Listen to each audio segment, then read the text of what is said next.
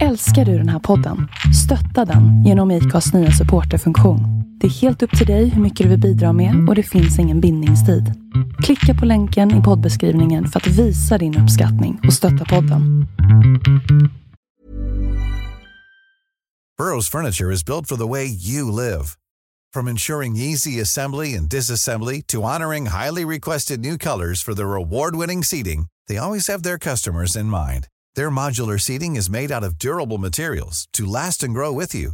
And with Burrow, you always get fast, free shipping. Get up to 60% off during Burrow's Memorial Day sale at burrow.com slash ACAST. That's burrow.com slash ACAST. burrow.com slash ACAST.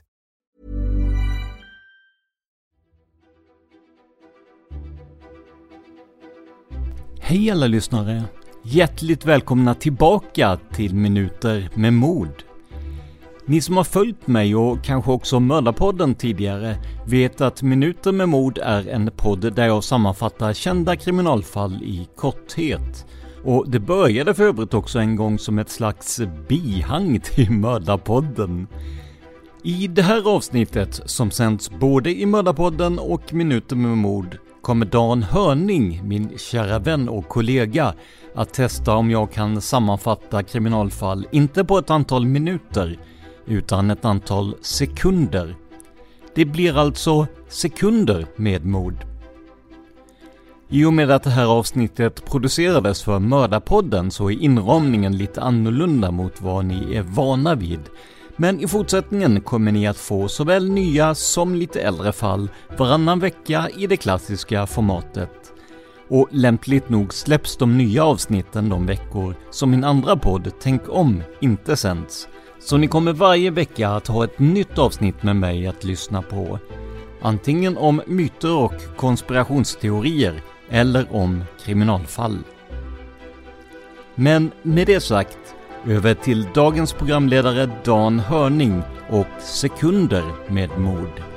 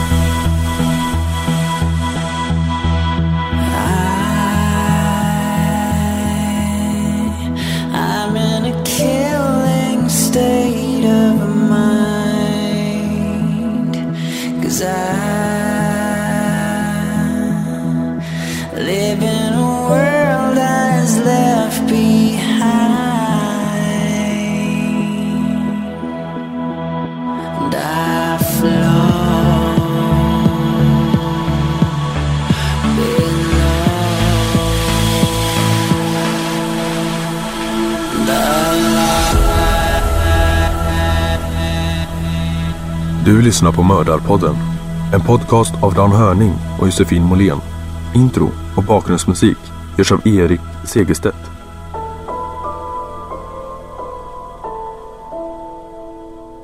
Välkomna till Mördarpodden! Jag heter Dan Hörning och idag har jag med mig Tobias Henriksson. Hej Tobias! Hej Dan! Kul att vara med igen. Du har ju startat en podd som du och Josefin pratade om som handlar om mord. Och sånt gillar vi ju. Berätta mer. Det stämmer. Nej men det är ju så här att jag och Josefin satt ju och pysslade ihop en julspecial för ett antal år sedan.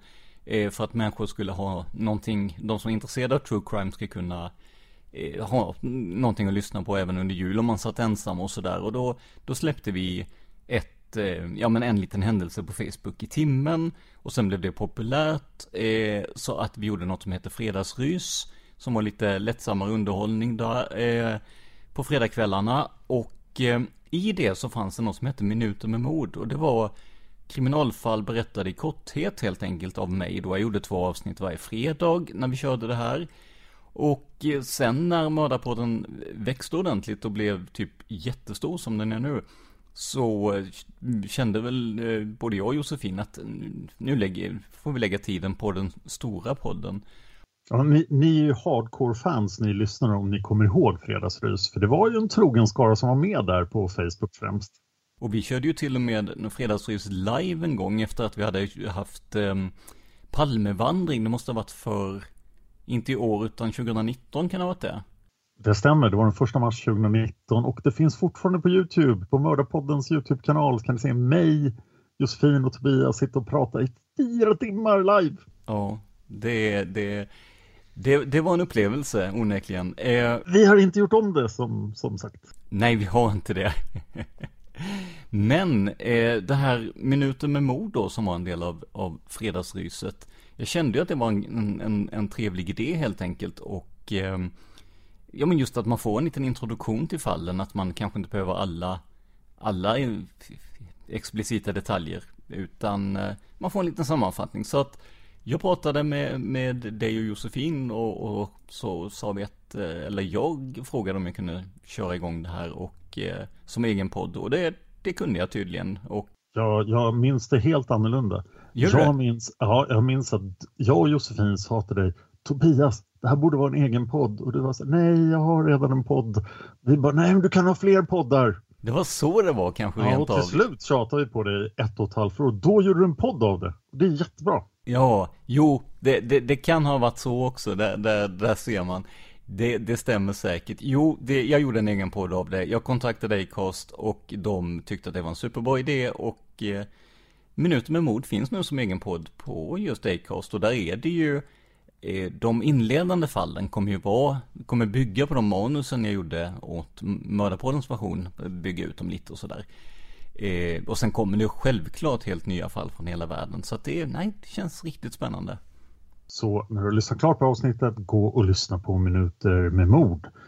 Men, och jag känner att det är ett jättebra komplement till alla andra mordpoddar som vi gör.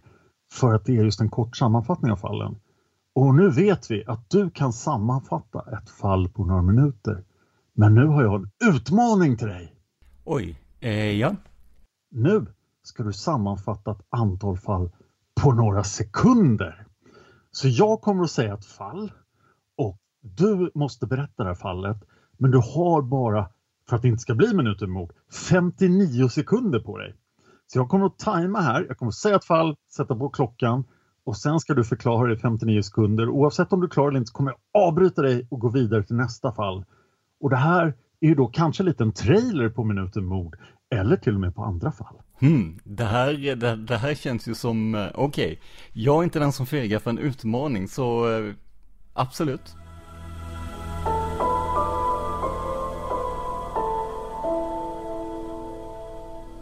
Och då kör vi igång sekunder med mord. Det här kommer inte att bli en egen podd.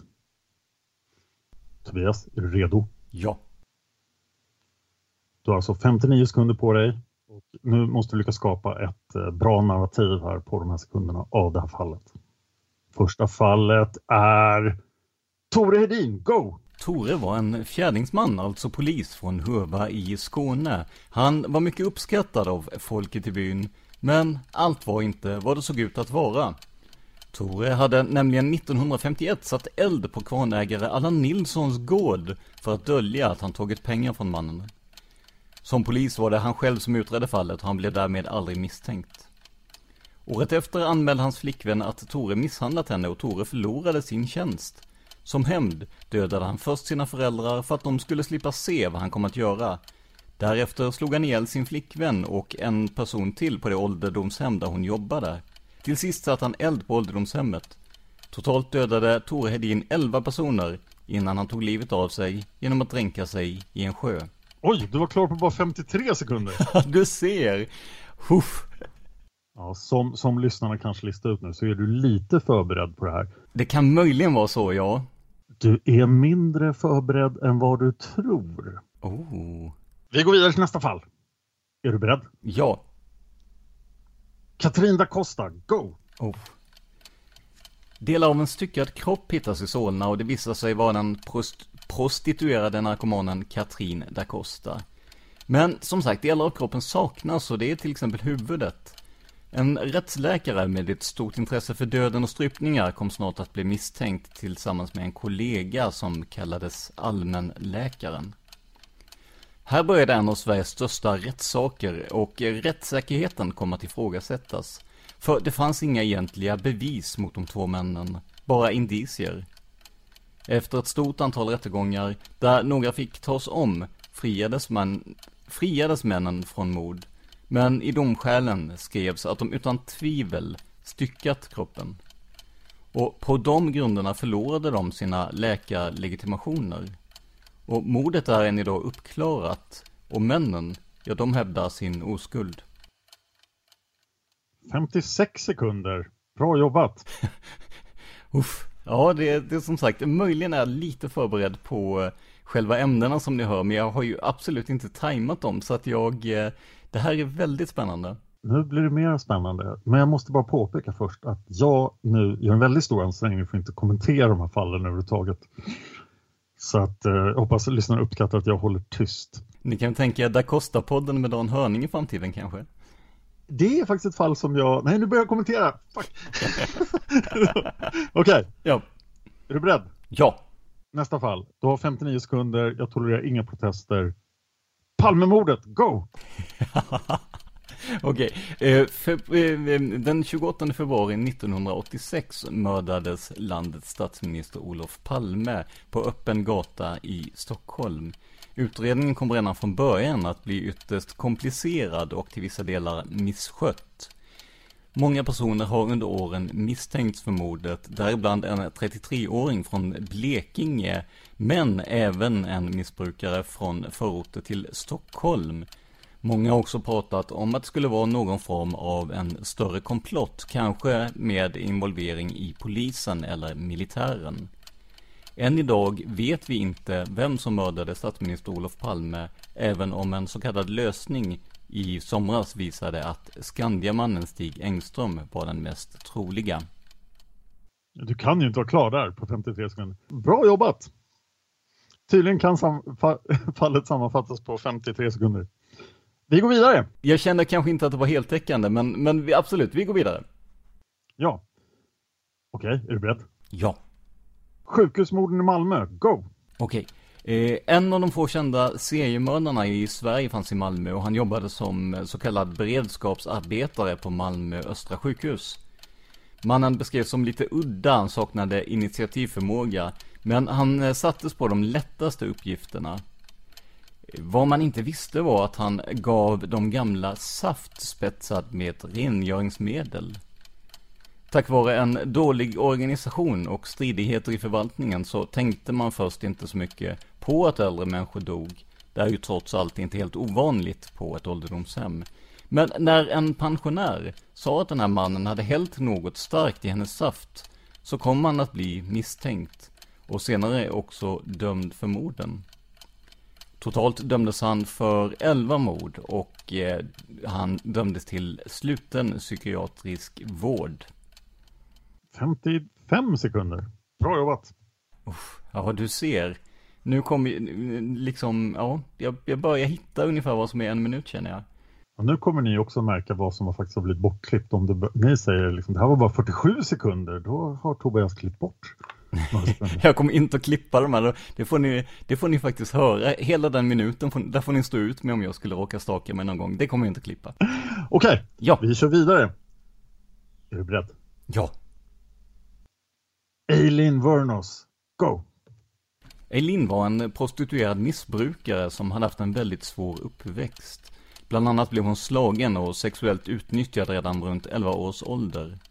Hon började en kriminell bana med bland annat rån, men det kom snart att bli mycket värre än så. Eileen bestämde sig för att råna och sedan mörda de män som köpte sex av henne. De var ju ändå äckel, så det spelade inte så stor roll. Hon kom dock långt senare att förrådas av sin flickvän som bandade deras samtal och gav dessa till polisen. Eileen betedde sig mycket märkligt under utredningen och visade starka tecken på psykisk ohälsa. Hon dömdes dock till döden för sju mord. Hennes sista ord var I'd just like to say I'm sailing with the rock and I'll be back like Independence Day with Jesus, June the 6th, like the movie, big, big mothership and all. I'll be back. Slut citat. 55 sekunder igen. Det här är ju som på räls. Ja, du ser. Här kommer nästa mord. Är du beredd? Ja. Mordet på Julius Caesar, go!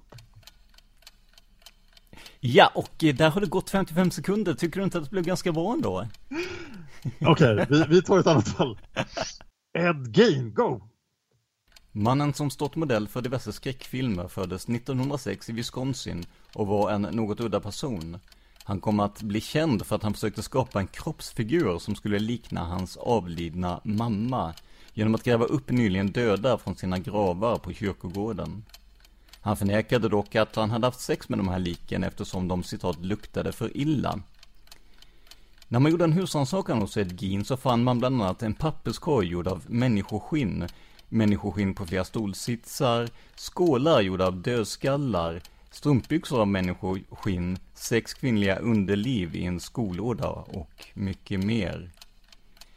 Ed Gein dömdes till rättspsykiatrisk vård och satt på mentalsjukhus fram till sin död 1984 och om jag har några sekunder kvar så kan man även säga att fingernaglar från kvinnor och fyra näsor hittades också hemma hos honom, bland mycket annat. Stopp, perfekt. 59 sekunder. Oj, nu hördes min larmsignal första gången. Vi går vidare. Är du beredd? Ja. Maria Kirsch, go! Maria Kirsch kom ursprungligen från Rumänien men bodde i Sverige. Där träffade hon sin svenska make och inledde vad som kan ses som ett resonemangsäktenskap. Hon fick pengar av mannen att skicka till sin familj i Rumänien och hon hjälpte i sin tur till med matlagning och städning. Men efter ett bråk om just pengarna till släktingarna kom Maria att döda och stycka sin make för att därefter dumpa delarna vid en kaj i Stockholm. Därefter flydde hon landet till sitt forna hemland. Vid en undersökning av hennes hem framkom att hon bland annat griljerat makens huvud i ugnen och skurit av hans penis. Maria Kirsch kom tillbaka till Sverige och dömdes mot sitt nekande för mord till livstidsfängelse. Hon avtjänade delar av straffet i Rumänien, där hon släpptes redan efter några år. Maria Kirsch är idag en fri kvinna. 55 sekunder igen. Bra jobbat. Rödebydramat, go! Ja. I det lilla samhället Rödeby norr om Karlskrona, där jag för övrigt växte upp, utsattes en lätt förståndshandikappad pojke för trakasserier av ett lokalt mopedgäng. När gänget bestämde sig för att konfrontera sitt offer åker de upp till en gård där ynglingen bor med sin familj. Pappan i familjen drabbas av panik och försöker försvara sin son, som just då sitter i samtal med larmcentralen. Pappan går ut på trappan med sitt hagelgevär och skjuter två av mobbarna. Den ene dör, den andra får svåra skador. Samhället delas i två läger, där några håller på pappan, några på pojkarna. Pappan själv, han döms för grov misshandel och dråp, men slapp fängelse på grund av stressen och sitt psykiska tillstånd vid tillfället. Han ska dock betala skadestånd till de drabbade ungdomarna. Slut. 55 sekunder igen. Det är helt otroligt. Du får korta ner dig till eh, 55 här så det blir lite stressigare. Åh oh, gud, ja okej. Ja. Nu kommer nästa fall. Jonna Henningsson. Ja. Hästtjejen Jonna kom att hamna i ett triangeldrama med sin före detta pojkvän och hans nya tjej. Det slutar med att Jonna mördar och styckar sin rival i pojkvännens lägenhet. För att sedan köra iväg och dumpa kroppsdelarna en bit därifrån. Mordvapnet var en hammare och en spruta med sömnmedel och alkohol. Jonna försöker dölja vad som hänt men snart riktas misstankarna mot henne. När hon till slut erkänner hävdar hon att allt blev svart och att hon inte styrde över sina handlingar. Jonna dömdes 2015 till livstidsfängelse för mord. Hon sitter idag på kvin kvinnofängelset Hinseberg. Där har hon bland annat fått kontaktförbud med en annan intagen efter sexuellt laddade brev och hot. 53 sekunder. Och du ser! Ja, bra jobbat. Jag börjar tro att jag kan det här snart. Ja, nu blir det lite svårare. Ja, men jag kan säga det till, till lyssnarna också att jag har sänt direktsänd radio för en väldigt massa år sedan och då var det väldigt noga med sekunderna så att jag tror att jag har lite, kanske lite hjälp av det. Vad var det för radio? Det var eh, sport... Nu, nu tvingar du mig att säga sport, sportnyheterna i, eh, i Sveriges Radio Blekinge P4, alltså de lokala sportnyheterna, en timme varje söndag eftermiddag var det väl, vill jag minnas. Men det var sammanfattningar, du satt inte och live-rapporterade? Jag satt och, alltså vi hade ju då, dels hade vi en, en eh, person som hjälpte till med resultat och som skulle komma in med jämna mellanrum och prata. Vi hade eh, folk som eh, var ute på livebevakning på olika evenemang och vi hade färdiga reportage. Och det här skulle då in på, jag för mig att det var ungefär en timme och jag var då ansvarig för att allting passade och jag var ansvarig för att bryta folk när de pratade för länge. Jag var helt enkelt ansvarig för att se till att när Ekots signatur började, då skulle vi vara färdiga. Oj, det låter komplicerat. Och det förklarar lite varför du är så bra på podden. ja, kul att höra. Här kommer nästa fall. Yngsjömordet, go! Ja, som sagt.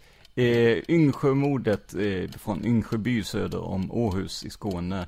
Hanna Johansdotter mördades av sin make, hemmansägare Per Nilsson och eh, mamman Anna Månsdotter. Ehm, per och Anna hade slagit Hanna, Per och Anna hade slagit Hanna medvetslös med ett vedträ och sen strypt henne. Eh, de hade sedan kastat ner henne för källartrappan. Mordet uppmärksammades inte bara för gärningen utan också för att det framkom att modern utsatt sin son för incest. Anna Månsdotter dömdes och avrättades i länsfängelset i Kristianstad 1890. Per benådades från dödsstraff. Ja, perfekt på tiden. Oh. Oj, oj, oj, den du. Eh, den var, den, det var, kändes lite mer bekymmersamt där. Jag ska, eh, mm. Vi kör vidare. Ingen rast, ingen ro. Nej. Mary Bell, go! Ja, men precis. Eh, Mary Bell eh, föddes 1957 i England och hade en väldigt problematisk uppväxt. Eh, dagen innan sin elfte födelsedag ströp hon en fyraåring i ett rivningshus. Eh, hon troddes ha begått brottet ensam, men eh, eh, hon hängde ofta med sin kompis Norma Bell den 31, samma år dödade flickorna den treårige Brian Hove i samma område. Mary och Norma kom att bli misstänkta, men de erkände inte gärningarna. Men de, när de skrev en uppsats om det här i skolan så skrev de att de hade gjort det. Eh, vid senare förhör så eh, kom det fram att det var de och de dömdes 1968 för dråp. Snyggt. Ja. 50 sekunder. Hur mycket? 50 sekunder har du 50 sekunder, ja, ja du, du ser, nu är jag, nu är jag på, det känns som jag är på lite mer osäker mark här, men eh, mm, vi kör på helt enkelt. Okej, okay. är du beredd? Ja. 55 sekunder. Ted Bundy, go! Ted Bundy är en av de mest profilerade seriemördarna i världen eh, och eh, även givetvis i sitt hemland USA. Eh, det här är ditt område Dan. Ehm, ja, i seriemördarpodden hör ni just nu en väldigt bra serie om eh, den här personen som satte skräck i samhället och som även lyckades med konststycket att rymma från fängelset, försöka försvara sig själv i domstol och inte lyckas särskilt bra med det. Det är de eh, exakta detaljerna om hans brott och eh, hans liv kan ni givetvis höra mer om i Seriemördarpodden, för det här är ingenting som går att sammanfatta på någonstans mellan 50 sekunder och eh, en minut. Det här var sekunder med mord om Ted Bundy. ja, där satte dig på pottan, men du skötte dig efter omständigheterna bra. Vi har gjort eh, 12 avsnitt om Ted Bundy i Seriemördarpodden som nu finns ute på Seriemördarpodden Premium Ja men precis, det blev som en ofrivillig trailer där istället. Jag, eh, jag är ju, det, det märker du kanske också när vi gör Palmemordet tillsammans. Jag, jag, alltså, de stora skeendena brukar jag ha ganska koll på, men, men att gå ner i detaljer och mordoffer och sånt där, det är, mm, inte när man inte är beredd. Ett band är ju ett väldigt förvirrande fall också. Ja, men vi fortsätter. Nu har vi två, två fall där du faktiskt är lite förberedd, men inte så förberedd som du har varit på de andra. Nej, precis. Jara, go! Ja, 2013 pågår det oroligheter i Gaza. Två föräldrar ser att det påverkar deras barn och eh, skickar eh, sitt barn till släktingar i Karlskrona. Eh, det kom in flera orosanmälningar om hennes välbefinnande i Karlskrona. Allt från att hon är tunt klädd till att hon verkar undernärd. Ehm, på hösten, på hösten 2013 ringer en granne till polisen och då har Jara hittats död i lägenheten. Hon har fått citat jätte, jättemycket stryk av sina släktingar. Eh, när ambulansen kom dit är Jara bortom räddning. Eh, morbrodern och hans fru, det vill säga släktingarna, dömdes sedermera till långa fängelsestraff. Livstid för kvinnan som orsakat, som orsakat döden, 14 års fängelse för Slut. mannen. Ja, bra jobbat. Vill du ha en paus? Nej, det är inte nödvändigt. Bra, för du får ingen paus. Nej, jag misstänkte Nu kör vi det. vidare. Barnmorden i Arboga. Go! Ja, denna spännande historia. Eh, den 17 mars 2008 påträffades två små barn svårt skadade i sitt hem i Arboga. Mm, barnens 23-åriga mamma hittades samtidigt med barnen, även hon svårt skadad, men vid liv. Barnen avlider senare.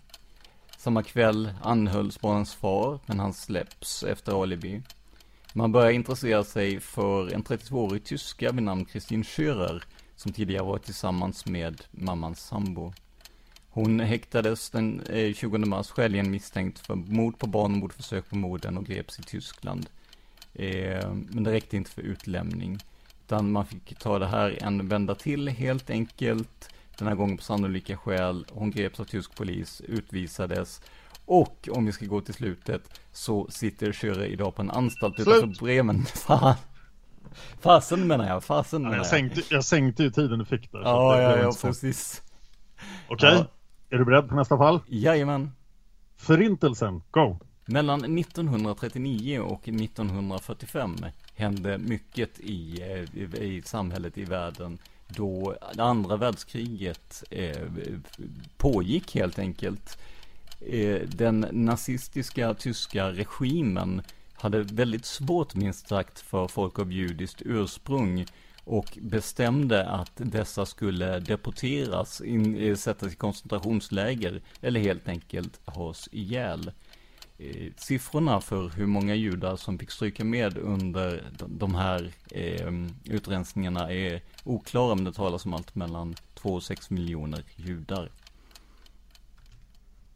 Oj, det var väl improviserat. Det var du inte förberedd på. Nej, det var jag inte. Vad, vad, hade jag fel på siffrorna eller? Nej, 6 miljoner är den siffra jag har hört Ja, mest. ja men precis, du ser. Jag gör ju en podd som heter Massmördarpodden och där har vi då valt att göra förintelsen eh, massmord för massmord.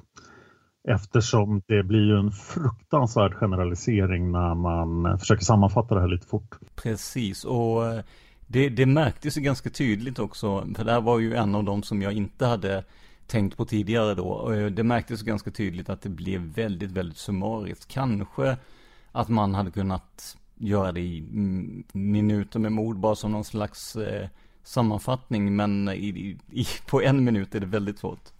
Jag har stött på problem dock med förintelsen för att jag tog upp det första fallet som var från Nazityskland var Georg Elser som försökte mörda Hitler men eh, mördade åtta andra istället. Så han är ju massmördare men hans motiv var ju tämligen eh, ja, bra får man väl lov att säga. Hade han lyckats döda Hitler så hade det blivit väldigt bra. Men sen fortsatte jag med en polis som var inblandad där som senare blev chef för en av Einsatzgruppen. Och under november varje år sitter jag ner och försöker skriva tio manus för att hålla mina skrivkunskaper aktuella så att jag kan vara en bra redaktör för Massmördarpodden och Seriemördarpodden. När jag började skriva om Arthur Nebe, som han heter, den här polisen, så blev jag... För då, då tänkte jag, han är ju inblandad i diverse massmord under Förintelsen, så det var ett bra ställe att börja på tyckte jag. Men jag klarade inte av det riktigt. Jag blev så äcklad av det här att jag inte kunde fortsätta. Mm. Det kan jag Den här- förstå. Ja, för Nebe var lite grann... Han var liksom motiverad av att han ville göra en bra karriär. Och så råkade det vara en bra grej i Nazityskland just då var att bli chef för Einsatzgruppen. Aha, Och sen tyckte han mest att... Ja, det, det finns väldigt olika porträtt av honom så att han är väldigt svårgripbar. Men det var fruktansvärt. Och jag är ju ändå rätt härdad vid det här laget. Ja, men det får man väl, det, det måste man ju nästan vara med tanke på alla hemskheter du har, har berättat om, absolut. Nu smög vi in lite mer reklam för en annan podd. Men nu går vi tillbaka till Sekunder med mord. Ja, med Tobias Henriksson i huvudrollen och nu ska vi prata om Helenmordet. Go! Ja, det här är väl ett av Sveriges mest omtalade eh, olösta mord, men det kunde slutligen lösas med hjälp av DNA-teknik. 1989 försvann Helene Nilsson från sitt hem i skånska Hörby. Eh, hon kom inte hem, föräldrarna blev oroliga. Ehm, polisen hade väl inga egentliga spår, ärendet gick på tomgång. Gärningsmannen hörde dock av sig till poliser som jobbade med fallet. Ehm, till slut så fick polisen Monica av sin granne veta att under den tid Helen försvann så jobbade de tillsammans med en man som hon var misstänksam emot, Uffe Pervers kallad. Han eh, skrevs upp på en lista över intressanta personer, blev topsad och det gav en träff. Han dömdes i april 2005 till livstidsfängelse och tog senare livet av sig i, eh, gjorde han inte det? Jo. Jo, och tog senare livet Klart. av sig i, jag, jag, jag, jag, har lätt att röra ihop honom med en, en, en annan där. Eh, men absolut. Här måste vi ju faktiskt göra lite reklam för SVTs eh, Jakten på en mördare som kom ut under slutet av 2020. Där, eh, ja, skånskt polisarbete på högsta nivå. Ja, precis. Jo, men det är, eh, det är betydligt längre än de här eh, en minuterna som, eller en minut, eller 55 sekunder blir det väl nu då, som, eh, som vi får eh, tillgång till här. Det är en skön utmaning, jag gillar det ändå. Ja, det här är ett väldigt annorlunda format eh, på den här podden så att vi vill gärna höra vad ni lyssnare tyckte för jag skulle kunna utmana Tobias på det här igen. Men eh, jag tänker ge dig ett fall till. Är du beredd? Ja. Syramördaren, go! Ja, som Dan har berättat om i seriemördarpodden så heter syramördaren John George Hay. Han föddes 1909 i England. Eh, han var med i Plymouth-bröderna, fick en strikt uppfostran, eh, väldigt lite med teknik och liknande som fick förekomma. Eh, han eh, hade problem med rättvisan, dömdes för bedrägeri. Eh, I fängelset för detta kom han på det han tyckte var det perfekta brottet, att sänka ner eh, dödade kroppar i syra. För finns det ingen kropp så kan han ju inte dömas, tyckte han. Eh, han lyckades med det här, eh, eh, lyckades sänka ner ett antal personer i ungefär 180 liter svavelsyra. Men eh, när ett av offrens föräldrar blev oroliga och undrade varför sonen deras inte dykt upp så lurade han ner dem i samma källare och hade ihjäl även dem. Sista offret blev Olive Stopp. Ah! Ja, Det är inte lätt alltså. Nej, men det, man ska inte alltid lyckas för då är utmaningen inte tillräckligt svår. Nej, så är det.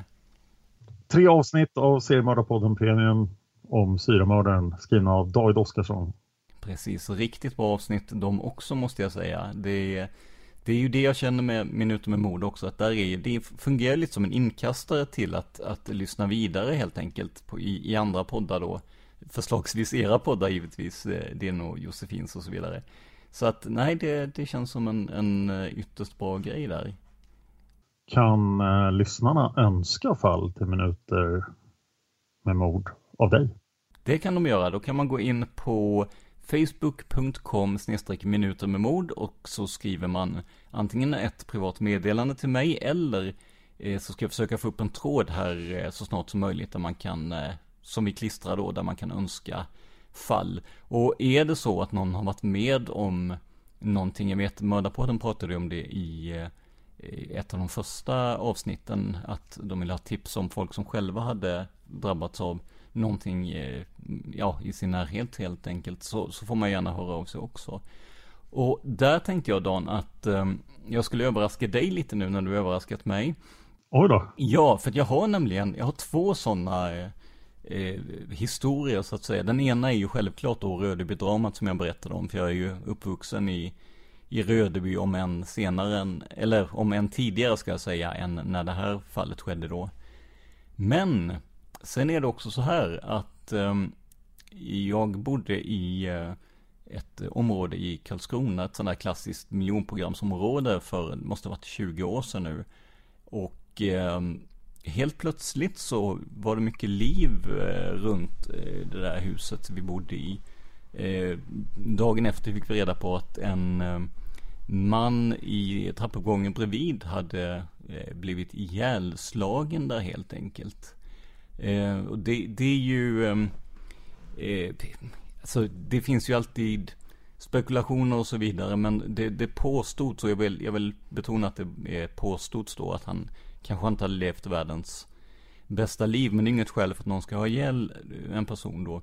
Men, det som var lite speciellt var ju att samma kväll som den här personen eh, hades ihjäl helt enkelt, så eh, var min eh, pappa uppe hos mig.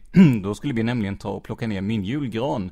Och bor man i lägenhet och inte vill bara ner allting så då sågar man i tur eh, julgranen, lägger den i svarta sopsäckar och går ner med det till miljöhuset helt enkelt. Så att på kvällen efter att den här stackars karln hade blivit mördad så går någon eh, ute i samma område med en stor såg och svarta sopsäckar till en bil som inte brukar stå där. Eh, jag kan säga att polisen var ganska intresserad av att veta vad fan det var som, vad, vad som hände där helt enkelt. Men det var ju så, såklart inte vi som hade någonting med det att göra, utan vi hade bara, det enda vi hade slaktat var julgranen. Blev eh, mordet löst?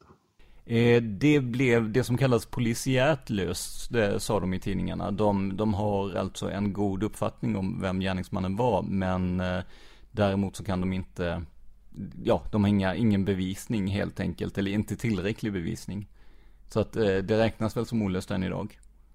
Oj, ja, verkligen obehagligt. Vi har nästan ett avsnitt klart med lyssnarhistorier, men vi behöver mer lyssnarhistorier. Hur har mord påverkat er liv? Mm. Ja, i mitt fall där så blev det ju, dels blev det ju att det var väldigt läskigt att hända bredvid och sen blev det ju också att eh, någon slags eh, makaber slump då att vi, vi samtidigt som någon blev mördad så går vi med svarta sopsäckar och, och såg till främmande bilar och sådär. Så att det, det blev någon slags dubbel ironi i det hela där. Ja, verkligen. Jag har ju varit väldigt förskonad själv, men i olösta mord så kommer jag att berätta om ett fall som i alla fall har en väldigt eh, tydlig anknytning till min släkt i ett stort antal avsnitt. Tack för din insats idag Tobias. Ingen bekymmer alls. Jag är lite besviken på mordet på Julius Caesar där, men, eh, men... Jag, ska nog, jag ska önska det till minuten. Ja, du får göra det. Jag ska se om vi kan sammanfatta det på. Etu Brutus eller vad var det för någonting? Nej, det är en myt från Shakespeare. Ja, så är det det? På det. Ja, det eh, jag lyssnade på den eminenta podden Life of Caesar som eh, gjorde ett väldigt stort antal avsnitt bara om Julius Caesars liv och när han väl blev mördad så gick de in i detalj på mordet. Och de trodde att det mest troliga det mest troliga Julius Caesar sa som sina sista ord var Vad är det här? Våld mot Caesar! Men det råder delade meningar om det då. Det var ju ett ganska stort antal gärningsmän och så var det grupptryck då så att alla skulle sticka kniven igenom. Men eh, det ska vi ta upp senare i Mördarpodden. Det vet 17. Om ni vill önska fall till Mördarpodden så är det säkra sättet att göra det är att kontakta Josefin på Instagram, så j.molén. För Josefin har ett väldigt stort inflytande över vilka fall vi tar upp här. Om ni vill önska fall till Seriemördarpodden Massmördarpodden eller Olösta mord, då ska ni använda formuläret som är klistrat högst upp på Seriemördarpoddens Facebook. Det är nämligen så att manusförfattarna väljer fallen i de poddarna och de läser inte alltid på Facebook som de borde. så att eh, skriver man i formuläret så hamnar man i, en, i ett delat dokument som vi har med manusförfattarna där de då kan se vad folk har önskat. Och det var så vi valde ut Jeffrey Dahmer till sommarspecialen 2020.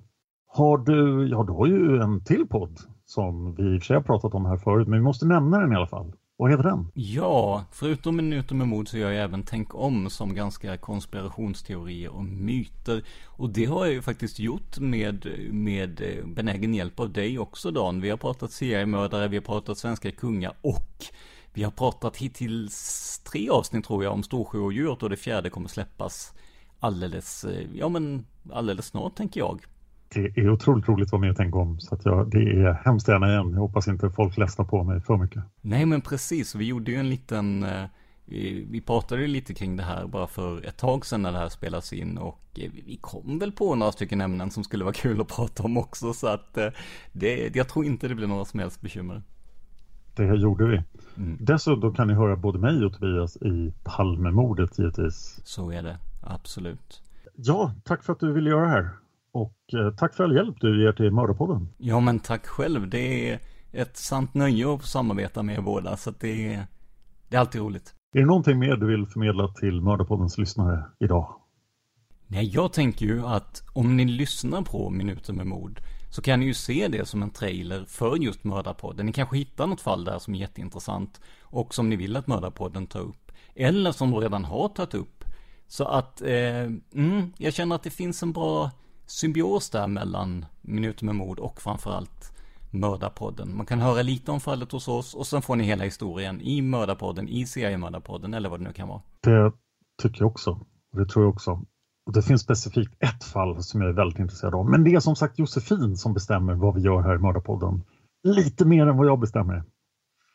Så det är lite upp till Josefin. Och du tänker inte avslöja vilket fall det är eller? Nej, vi håller på det så att vi inte lovar någonting vi inte kan hålla. Nej, precis. Tack för att du kom hit. Tack själv. Hej då! Hej då.